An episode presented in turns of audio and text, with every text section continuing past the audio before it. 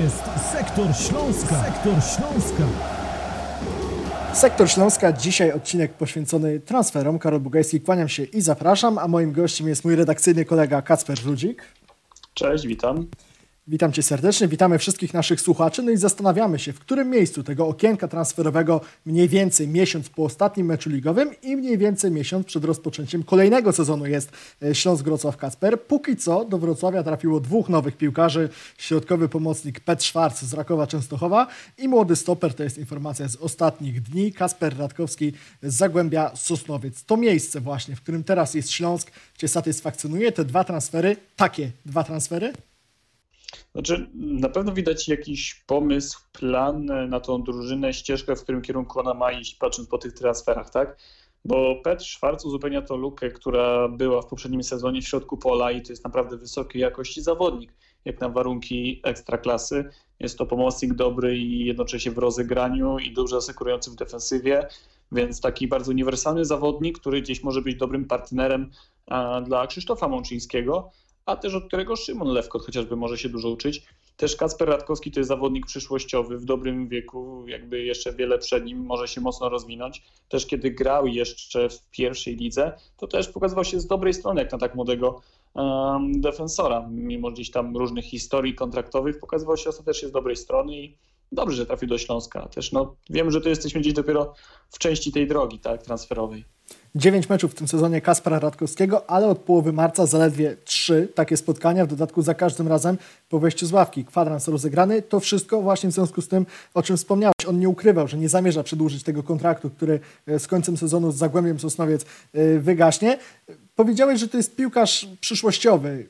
Przypomina mi się przykład Łukasza Bejgera sprzed pół roku, kiedy mówiliśmy o nim jako czwartym, piątym wyborze, jeszcze wtedy trenera Witesława Lawiczki, piłkarzu, który przede wszystkim wiosną ma się ogrywać w rezerwach. Znając trenera Jacka Magierę, znając też podejście całego klubu, mówię o pierwszym zespole, mówię o rezerwach do młodych piłkarzy, czy Kacper Radkowski może jednak pójść spodziewanie, niespodziewanie podobną drogą jak Łukasz Bejger, czy jednak w tym przypadku to przede wszystkim będzie to granie w rezerwach?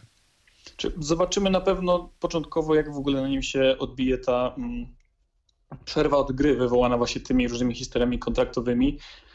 Na ten moment patrząc, że jest już zdrowy Wojciech Gola, że jest Konrad Poprawa, właśnie Bejger, Tamasz, no to mamy tych podstawowych obrońców, natomiast on będzie gdzieś blisko tej, blisko tej pozycji. I też wiele zależy od tego, e, czy będzie ten doświadczony stoper, o którym się mówi, sprowadzony także do Śląska, i no, jaką będzie miał jakby rywalizację, tak? Ja myślę, że on będzie gdzieś raczej walczył o miejsce z Konradem Poprawą, ewentualnie z właśnie z Bejgerem, bo myślę, że w tej nowej formacji no, Wojciech Gola może być też ważnym elementem tej nowej układanki na nowy sezon.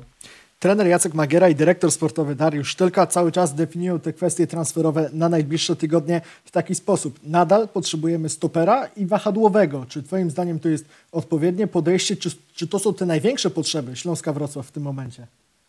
No, patrząc przez pryzmat poprzedniego sezonu, no to możemy zobaczyć, że Dino Stiglec grał, bo musiał nieraz. Kiedy jego forma była lekko rozczarowująca, to i tak grał, bo nie było alternatywy dla niego.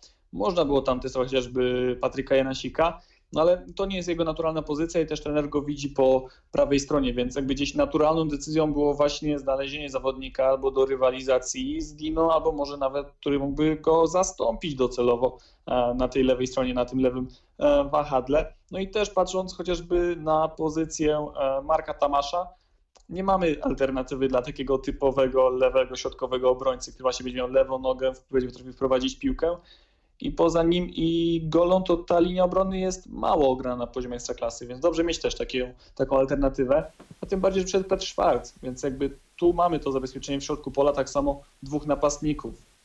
Dyrektor sportowy Śląska nie wspomina o obsadzie ofensywy i o to też chciałem Cię zapytać, bo mnie to trochę zastanawia. Widzieliśmy kilka takich meczów wiosennych Śląska, oczywiście jeszcze pod wodzą trenera Jack, e, jeszcze przed przyjściem trenera Jacka Magiery, co sprawia, że musimy jednak dzielić tę rundę na dwie części, ale kiedy Śląsk w ofensywie męczył się bardzo i tak naprawdę obojętnie, czy z dwójką napastników, czy z Erikiem Exposito od początku, czy z Fabianem Piaseckim od początku, bo tak też się zdarzało, no to tam nie było takiej jakości, tam nie było też impulsu z ławki bardzo często czy przypadkiem przed rozpoczęciem nowego sezonu Śląskowi nie przydałoby się trochę świeżej krwi w formacji ofensywnej właśnie.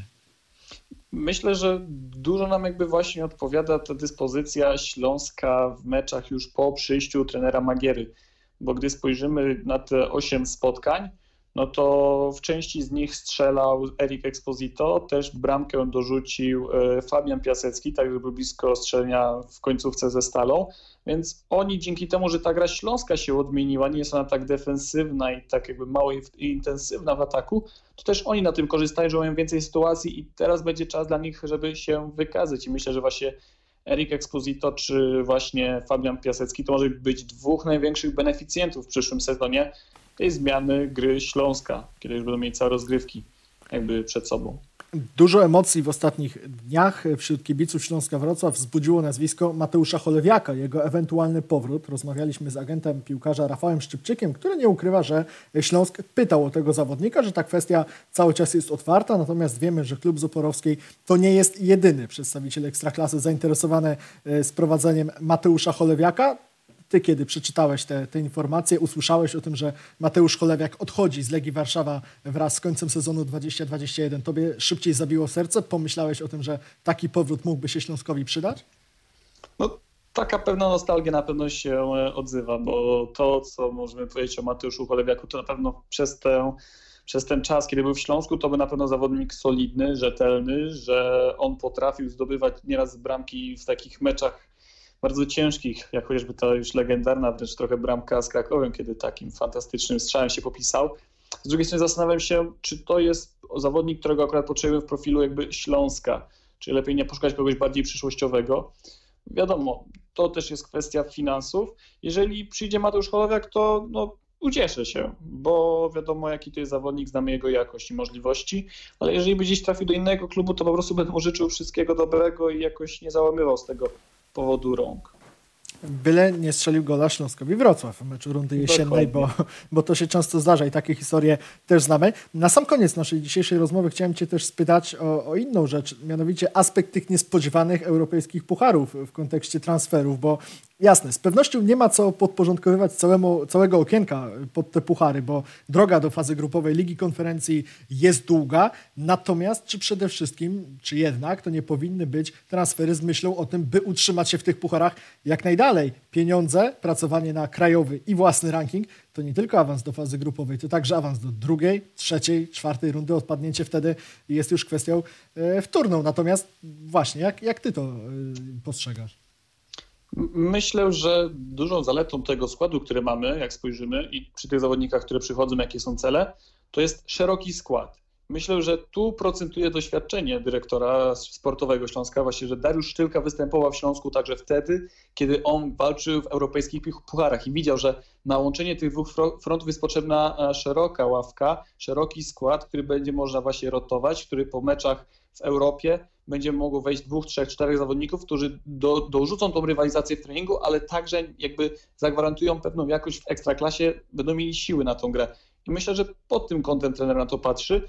Ci zawodniki, zawodnicy, których mamy, przy jakby dobrze przepracowanej rundzie, yy, znaczy tutaj przy tutaj dobrze przepracowanych przygotowaniach, oni są myślę gotowi, żeby zagrać kilka dobrych meczów w Europie i jakby dobry właśnie współczynnik budować, a też no, myślę, że cel obecnie na fazę grupową to byłby zbyt wysoki cel. Oczywiście, jeżeli to się zdarzy, będzie przyjemnie, ale jakby Śląsk nie jest na tym etapie, żeby właśnie jakby pod tym kierunkiem, w tym kierunku budować swoją kadrę. Raczej to jest właśnie takie teraz stopniowa praca, żeby coraz lepsze te wyniki notować i pewną powtarzalność w Europie zanotować.